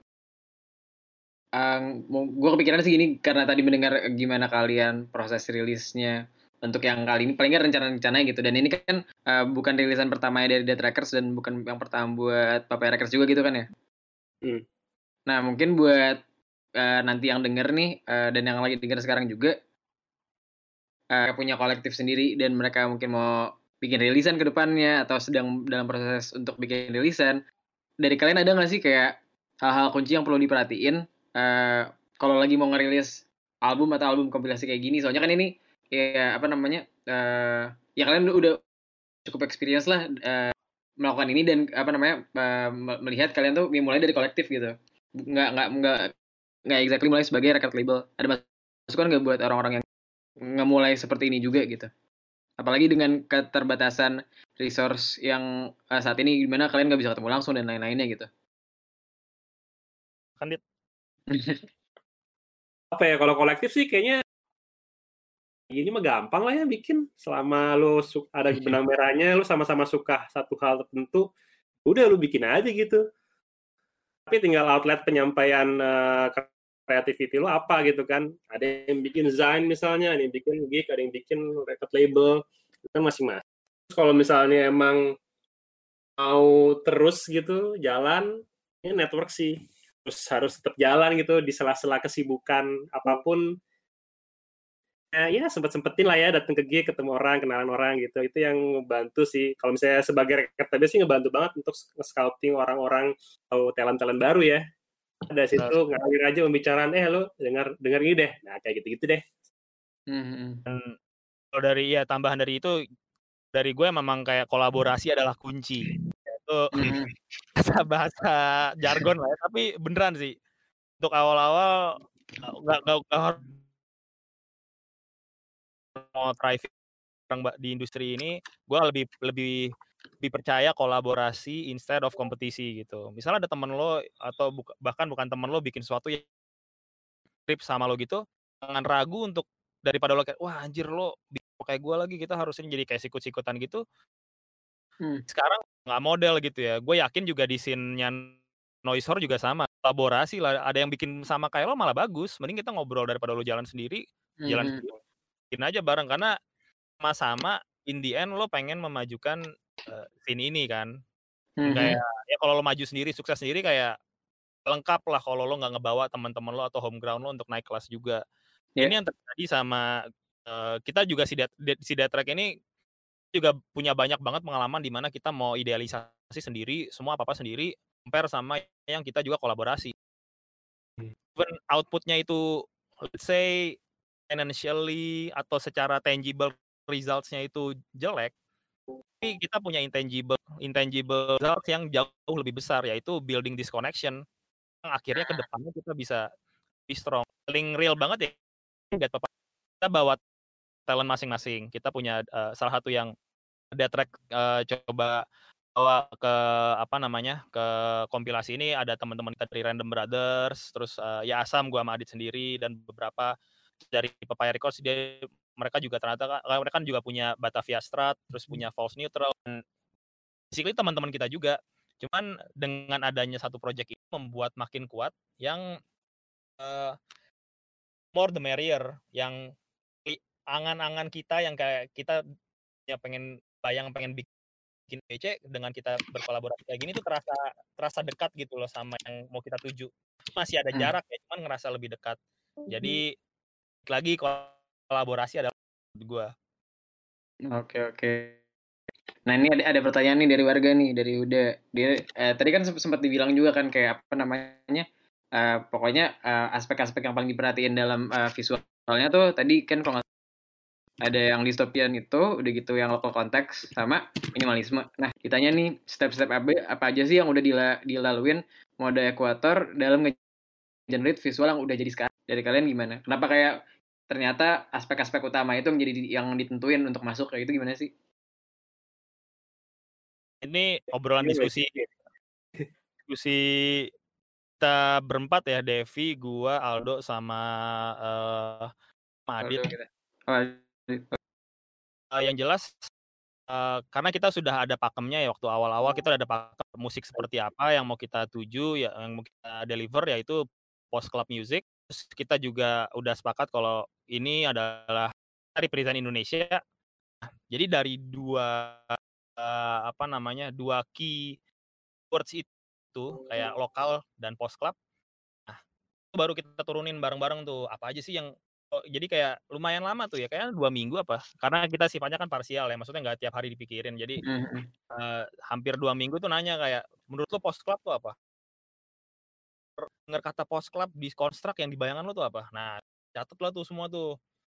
Ada yang apa distopan lah berpang lah solar pang lah adalah tuh istilah baru solar pang dan lain-lain segala macem. Pokoknya lo setiap denger itu tuh apa sih yang ada di pikiran lo? Nah terus kalau lo bilang lokal konteks tuh apa? Jadi kayak sejenis kayak mind mapping atau kayak uh, kayak design workshop juga sih sedikit banyak ya. Kayak lo lo ngelempar ide-ide segala macem dikumpulin semua sampai memuskan bareng-bareng mengerucut ke nggak pengen terlalu ribet sehingga kita ke tiga keyword paling utama apa lah itu cyberpunk cyberpunk slash futuristik slash dystopian uh, lokal konteks Indonesian lokal konteks tradisional uh, tradisional apalah uh, kita baju dan lain-lain satu lagi mini dari situ nah Devi yang yang bisa memvisualisasikan sampai ya akhirnya dia nanya referensinya coba kalau lo bilang adalah uh, minimalis kayak apa sih minimalis versi lo? Dia nanya oh ini nih kita kasih referensi yang kita lihat. Terus uh, di construct post club atau kayak cyberpunk yang maksud lo tuh kayak apa? Ya kita kasih referensi-referensi. Tapi akhirnya ya Devi bisa mengenerate itu semua gitu. Dia yang uh, karena memang dia spesifiknya dia yang bisa itu ide-ide dari gua Aldo sama Dit. Hmm. Oke oke. Nah ini ada, ada pertanyaan lagi nih. Uh, is there any way to release your music records atau data records. Jadi mungkin maksudnya kalau misalnya ada orang-orang yang kayak mau submit lagu-lagu mereka atau karya mereka itu uh, gimana sih caranya biar bisa dibantu rilis sama KPA Records atau Data Records? Kalau ini sih basic banget lah ya, tinggal DM atau email di datrekmusic@gmail.com. Sorry ya emailnya masih katro. itu ya pertama kita sama ya records@gmail.com ya kalau nggak salah. Mm -hmm. uh, ya bisa situ dan uh, mungkin yang perlu orang-orang uh, notice adalah kita tuh timnya kecil. Tuh ini juga it's a live fashion project. Jadi kadang kita ngecek email suka agak lama. Nah itu aja sih dikira kayak oh demo gua nggak diterima atau apalah. Tapi uh, ada demo masuk pasti kita dengerin dan pasti kita komen either itu uh, misalnya mau uh, mana caranya misalnya kayak kan kita ya pakem sendiri ya, ya kan. Hmm. Misalnya oh ya nih bagus nih tapi uh, mungkin agak diginiin atau agak dibanen apa sih respon. Cuman kondisinya hmm. tadi agak respon karena satu dan lain hal seperti itu. Hmm, okay, okay. sedikit tips sih. Uh, kalau misalnya ya sedikit tips karena kan mungkin masing-masing uh, orang dari Payarek atau Detrek juga juga misalnya nggak sempat ngecekin email sedikit tips aja kalau misalnya mau memudahkan untuk uh, transfer info informasi lewat email sih mending lo bikin SoundCloud aja, lo bikin private private playlist gitu yang isinya lagu-lagu lo yang pengen dengerin, kirim linknya gitu. Jadi nggak usah kirim-kiriman file lagi, ntar kita dengerin di SoundCloud yang lo private aja gitu. Mm-hmm. Saya so, contohnya yang yang yang tembus lewat pendekatan itu kalau gue dengar tadi berarti yang yang dari Malang itu kayak gitu ya pendekatannya web awalnya apa gimana sih? Ya itu by email, purely by email. Hmm uh, kita dengar masuk terus baru kita cek Instagram segala macam baru hmm. kita kontak-kontakan. Dan berapa juga uh, kayak gitu sih rata-rata karena uh, kita uh, ya uh, maksudnya kalau Papaya Records atau Aldo dan anak-anak yang lain mungkin banyak masih suka aktif keluar mungkin ya. Gue sih jujur aja gue jarang banget sih keluar even sebelum pandemi juga gue jarang banget keluar karena eh, jujur aja kadang kalau udah weekend gue mendingan peluk-pelukan sama anak gue Hmm. nah, tapi gue banyak terkonek tapi gue tetap keep update dengan eh, apa namanya keep update dengan scene atau musik-musik baru ya that's why uh, connect via eh, email tuh lebih di gampang sih instead of karena gue jadi ja- agak jarang pergi ke gig juga sekarang gitu loh Hmm. Ini Hmm. bukan pertanyaan sih, tapi lebih ke masukan kali ya. Dari Huda juga nih. Mode Equator kalau buat merch kayaknya bakal bakal pecah kalau collab sama domestik. Kayaknya kayaknya visualnya mirip. Nah, itu kalau in the pipeline juga ya kita ada banyak ide lah untuk merch ya. Eh, tapi kita juga pengen pakai aspek sustainability. Ya, ini juga kita lagi ngegodok gimana caranya juga merch kita ini long lasting, eh, jangan sampai eh, hanya tersimpan sekali pakai terus disimpan di lemari atau gimana. Di ngegodok juga. Tapi thank you inputnya ya. Oke. Eh, ada ada pertanyaan lain nggak nih? Kayaknya udah kalau dari gue sih udah nggak ada dan dari warga juga kayaknya udah nggak ada pertanyaannya. Eh, ya, mungkin dari kalian ada ini nggak apa tanggal-tanggal yang mau diumumin atau apa gitu penu- sebagai penutup yang mau kalian eh, sampaikan ke yang denger? Mungkin eh gimana kita mau minta input dari kalian dulu sedikit. Kira-kira kira-kira menurut kalian uh, apa nih yang menarik agar membantu rilisan The Equator ini ke depannya bisa lebih dapat anim besar, exposure besar dan nya dapat kalian apa nih yang perlu kita lakuin? Ini kita lagi ya, kita juga lagi nerima banyak input sih karena kita kan lagi Hmm. godok ya. Eh, strategi dasar itu udah udah ada semua ya basic lah ini. Kita lagi mencoba mengulik nih hal-hal yang kira bisa kita lakukan di luar yang normal. Ide nggak? Mungkin dari kalian dari Noisor pernah pernah ngerjain sesuatu yang dari sisi seperti apa yang itu menarik, cocok di kita. Nah, boleh nggak share? Gantian ya gue interview spesifik karena pandemi juga. ya karena pandemi. Gantian ya gue di last minute ini gue mau interview lo. Eh, eh, tanya balik ya, tanya balik ya. Coba tuh siapa nih? Udah Cheesefart mungkin kalian kalau ada insight-insight tersendiri sebagai konsumen atau mungkin sebagai orang yang yang pernah involved di pembuatan proyek musik juga gitu. Share aja gitu di sini, siapa tahu bisa ngebantu. Kalau gua ya sambil nunggu jawaban warga nih, karena banyak karena ya karena gua nggak terlalu ngikutin pertama awal sekarang gue udah berapa tahun nggak ngulik musik elektronik dan gue jujur dapet email lo terus sih chat kayak lo kalau announce kan lo, lo email terus terus gue baca. Terus karena namanya kurang beberapa be- hampir semua nama gue nggak tahu. Paling hari ini gue tahu Batavia karena Aldo kan. Kayaknya lebih ini ini gue ya sebagai konsumen nih bukan bukan sebagai promotor. Gue kayak pengen tahu lebih lanjut deh mengenai eh, artisnya gitu. Entah mau lewat dialog kayak lo bikin profil singkat atau lewat kayak lo kasih teaser di campaignnya gitu past work dia apa kalau ada. Supaya orang-orang tahu what to expect. Karena kayak sekarang kalau gue ngelihat ya visually bagus banget memang desainnya Devi. Gue suka banget.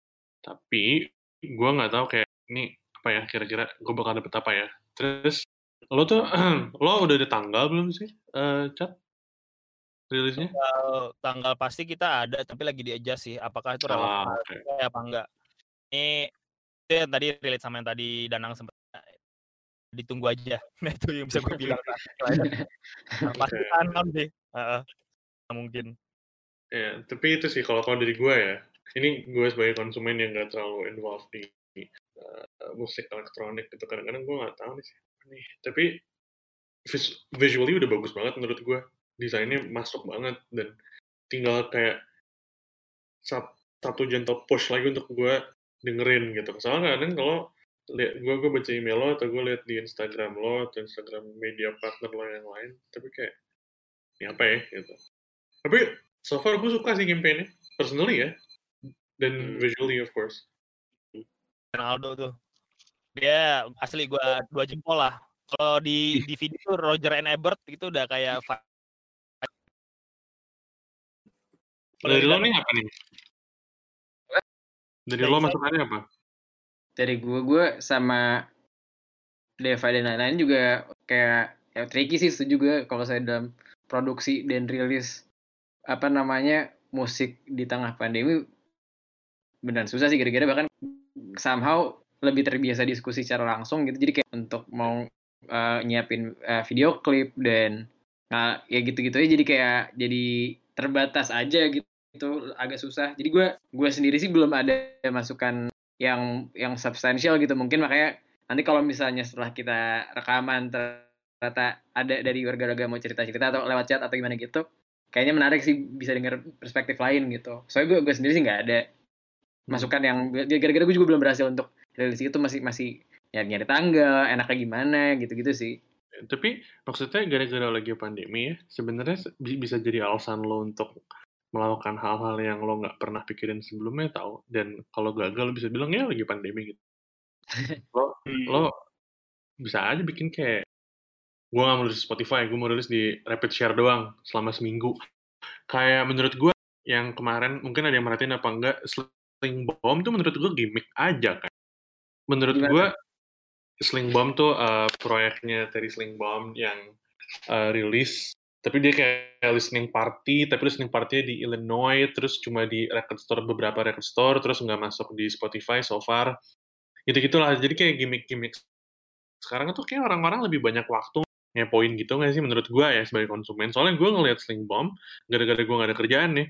Siapa nih dari Sling Bomb? Kenapa uh, uh, line up albumnya featuringnya stack banget terus kenapa oh, ini, ini yang Mas Pitchfork iya uh, terus Jadi kayak gimmick yeah. tuh iya. hal yang wajar ya kayak karena sekarang orang attention to internet tuh makin besar karena mungkin yeah.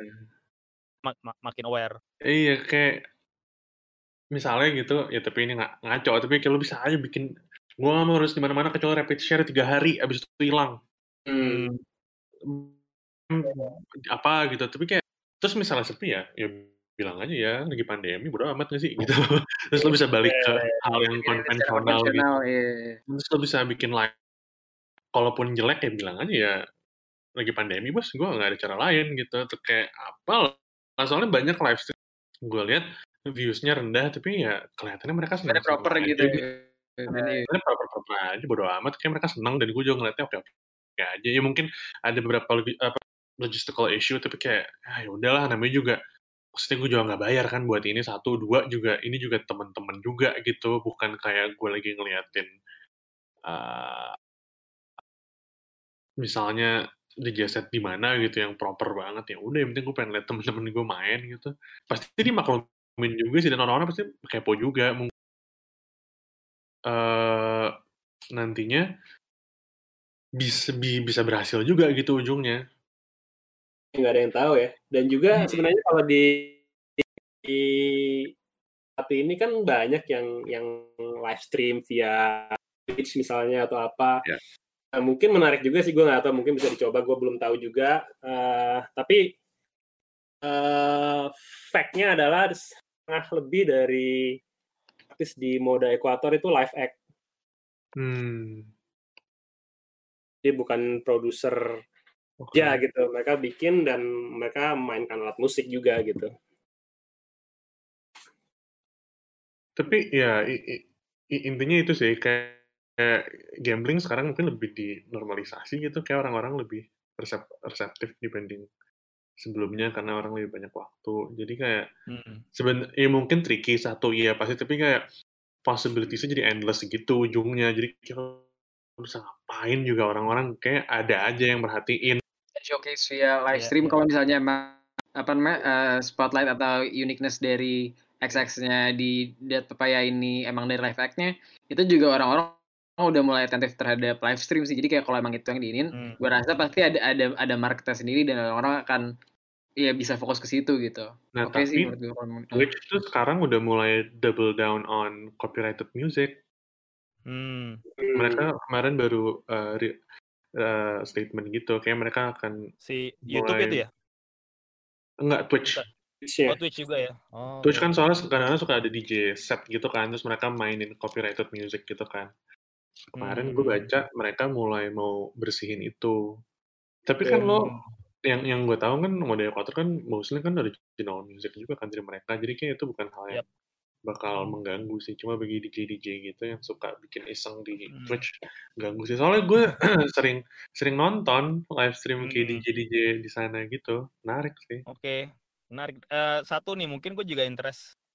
Eh, sorry nih ya kalau gue balik balik nanya lo ya. Ini sebenarnya buat input buat kita juga agar mode Equator lebih kena lah begitu kita nanti mau rilis. Eh, did you get the energy atau the message kalau lo nonton live stream or DJ set atau lo kayak ya jadi ya ini aja kayak peng- pembenaran aja kayak ya udahlah lagi pandemi ya udahlah nggak ada lo nggak ada gue nggak ada pilihan lain. Hmm, kalau gue nih gue ada dua sih yang menurut gue cukup eh, proper yang gue bisa bisa bisa bilang kalau misalnya cukup nyampe nih yang mau disampaikan dari segi estetik dan juga dari musiknya gitu.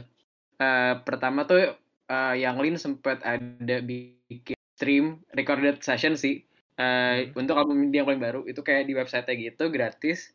Dan pokoknya tuh dari eh, visualnya keren banget. Kayak dia di di dalam truk gitu di dalam kontainer truk dia dia jalanin live session dia sejam gitu. Itu proper banget dan kayak dengan resource yang ada dia nggak bisa manggung di mana-mana ya kayak gitu menurut gue oke banget. Ntar kalau ada linknya gue share sini. Sama satu Hmm. lagi di Mild, Mild Life sih Mild Life tuh dia Iya. emang band, bandnya rame banget kan. Minggu lalu dia eh, kayak ada session gitu di studi- emang di studio ya udah full instrumennya semua untuk masing-masing instrumen itu ada kameranya dan kayak itu kayak udah recorded juga sih jadi kayak eh pindah-pindah gitulah. Warnanya juga keren banget. Itu menurut gue salah satu contoh eh, stream atau recorded session yang eh, tetap nyampe gitu pesan dan kontennya tetap tetap tersampaikan ke penontonnya. Ja- jadi kayak apa namanya eh eksekusi dan perencanaan yang emang proper bisa sama aja sih experience bukan sama sih tapi kayak eh pesan yang mau disampaikan bisa bisa sebanding dengan eh, experience live gitu. Hmm. Ya, tapi Iya. definitely kayaknya lebih ke pre-recorded sih kalau gue ya. Soalnya pengalaman gue live stream yang isinya eh, la- performance live gitu, kadang-kadang suka ada technical issues sih yang bisa bikin orang cabut. Kayak pengalaman buruk gue pas eh, live stream sama Pitchfork di Hmm. Instagram jelek Hmm. banget.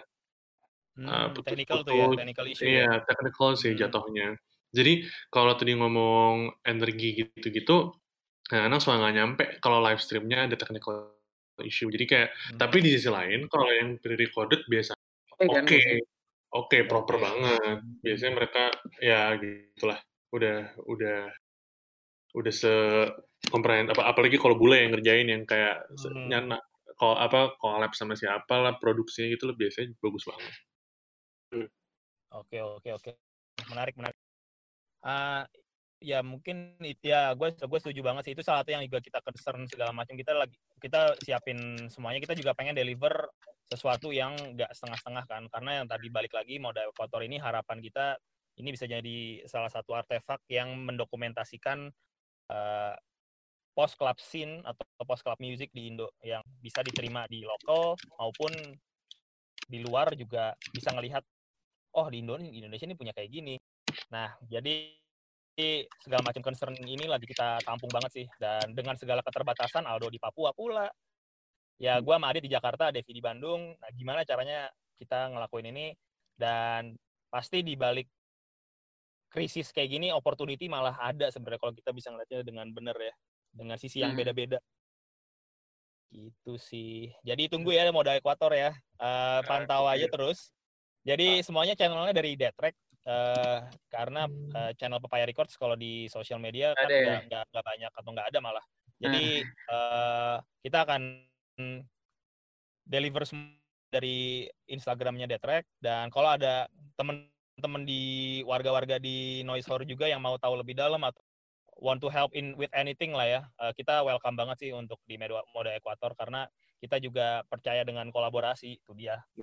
Mau berbagai macam genre bebas sih, maksudnya kayak kalau lo biasa emang anak kerjainnya musik band punk, or lo kayak eh, indie akustik gitu ya nggak apa-apa. Yang penting kita kan eh, pasti punya insight yang menarik. Hmm, hmm, hmm, Ya, hmm. memang ini semoga anak-anak di Discord ini lumayan ketarik ke sana ya. Karena sebenarnya bukan bukan bukan masalah tangible rilis nggak rilis gitu gitu kadang-kadang feedback juga penting nggak harus melulu soal gue pengen dirilis tapi kayak nggak kok kadang-kadang juga Benar. lebih ke feedback aja interest basically interest banget sih untuk dapat insight dari teman-teman yang di luar dari yang kita pahamin. Maksudnya kalau kalau kita bicara genre kotak-kotakannya kan udah oke okay, track nih elektronik segala macam. Cuman kalau gue misalnya malah bisa dapat insight dari orang-orang yang eh, teman-teman yang non elektronik tuh malah lebih valuable banget sih karena siapa tahu bisa diadaptasi nih yang biasa lo lakuin gitu. Jadi nah itu hal-hal kayak gitu gue gue sangat interest banget untuk pengen tahu insight. karena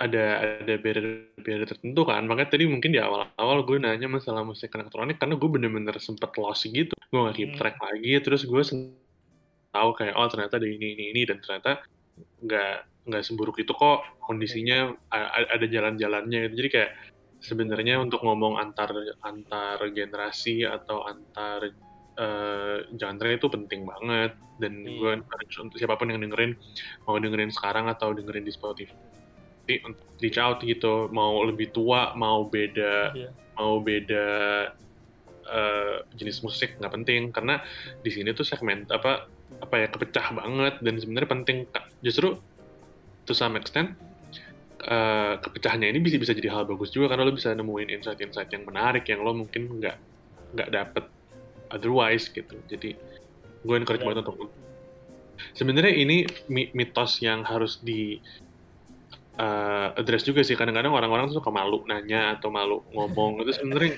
Betul, betul. Wow, Ini tuh- anak anak anak tekno nih kayak galak-galak nih. cemberut cemberut dulu lagi kalau di foto anjir. Terus toku-toku lagi.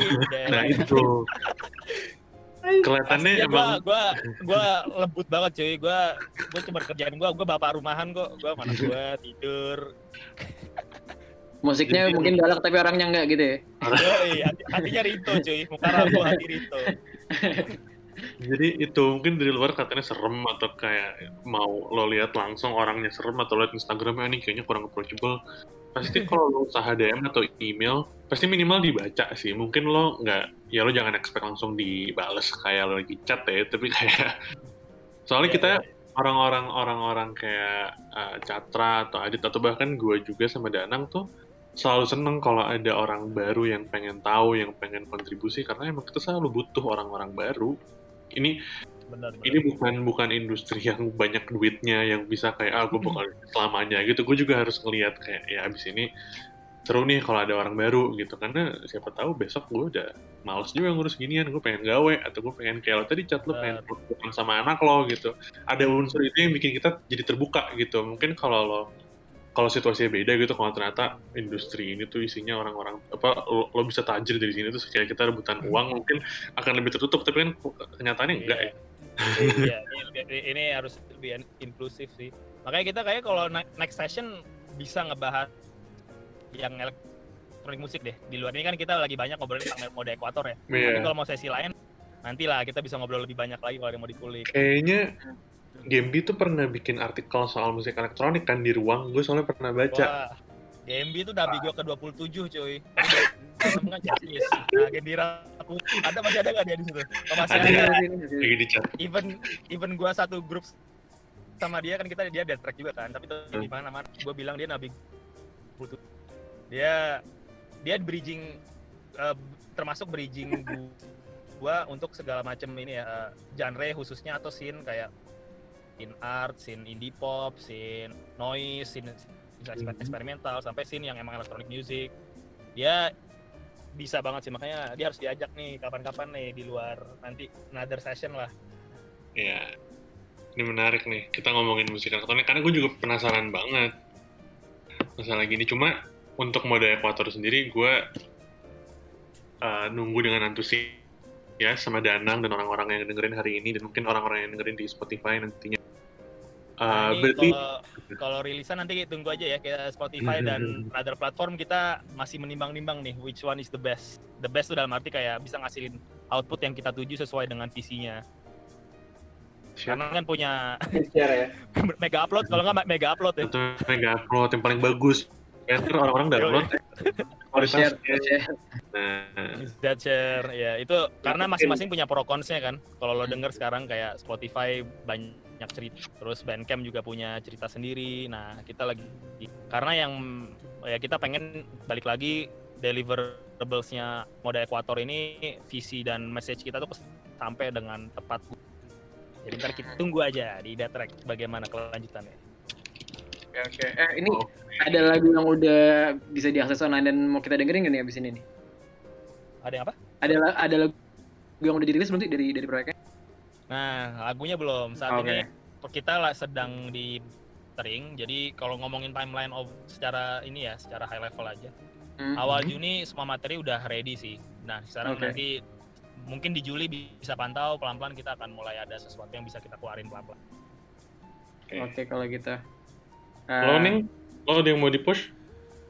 paling Gimana? ini aja sih eh, kalau dari gue paling lagi-lagi tentang tip jar kita yang kita lagi buka buat eh, buat donasi ke beberapa eh, foundation dia jadi kita buka buka tip jar di saweria.co slash noisor kita itu buka dona eh, tiga nih tiga foundation. Itu ada Yayasan Tunas Bakti Nusantara buat bantu bikin sekolah di Papua. Udah gitu kedua tuh ada buat apa terima kasih dok untuk ngasih ke tenaga medis yang beberapa bulan terakhir lagi apa namanya di lapangan gitu kan lagi lagi bantu di lapangan. Begitu Begirata itu adalah platform buat eh, ngebantu orang-orang yang pekerjaannya mungkin terdampak karena pandemi ini gitu ada tiga itu jadi kalau saya mau donate masih bisa itu sampai akhir Juni di saweria.co slash noisor itu aja sih kalau dari gue yang mau dipromosiin Eh, ada lagi nggak dari kalian Hmm, gue nggak ada. Catra, Adit, Devi, oh Devi cabut Hmm. kayaknya ya. Iya, koneksinya tadi di- jelek jadi salam aja. Tapi basically dari yang tadi kita omongin udah nggak capture yang juga Devi mau Oke, Eh, terima kasih Adit, Catra, Devi. Salam juga ke Devi Iya. untuk waktunya hari ini. Lain kali kita harus bikin masalah eh, musik elektronik kayak sama Gembi dong. Gue pengen ngobrol nih kayak. Wah, nanti Gila. panas ini lah. Ajakin itu ya, kita tarik lah ya Gembi ya. Iya, tarik aja lah. Nabilo yang ke-27 tadi lo bilang. Tapi gua ke-27. Setelah Justice lah. Kembar kalau Justice. Soalnya kan. Oke, tapi itu aja sih. Ada yang mau nambahin lagi? Cukup? cukup kayaknya untuk hari ini ya Cukup sih. Lumayan ya, dua jam nggak berasa ya. bobot bobot obrolan bobot Mudah-mudahan bermanfaat lah ya. iya Semoga bermanfaat. Sip. amin amin Oke. Thank you ya. Adit, thank you Catra. Thank you. Sama-sama. Thank you Oke. banget buat tim Noise Horror sama warga-warga di sini. Gua- nanti gua mencoba berkontribusi lebih banyak ya di warga Noise Horror di Oke oke. C- Coba tahu bisa kayak saling bagi-bagi insight lah ya di sini sambil sambil uh, rilis rilisannya gitu. banget. Benar. Ditunggu Thank you banget, kantor dan episode kita hari ini akan rilis hari Senin kalau lancar. Wah. Oke. Thank you. Bye. Sama-sama. Thank you semua. Bye. Bye.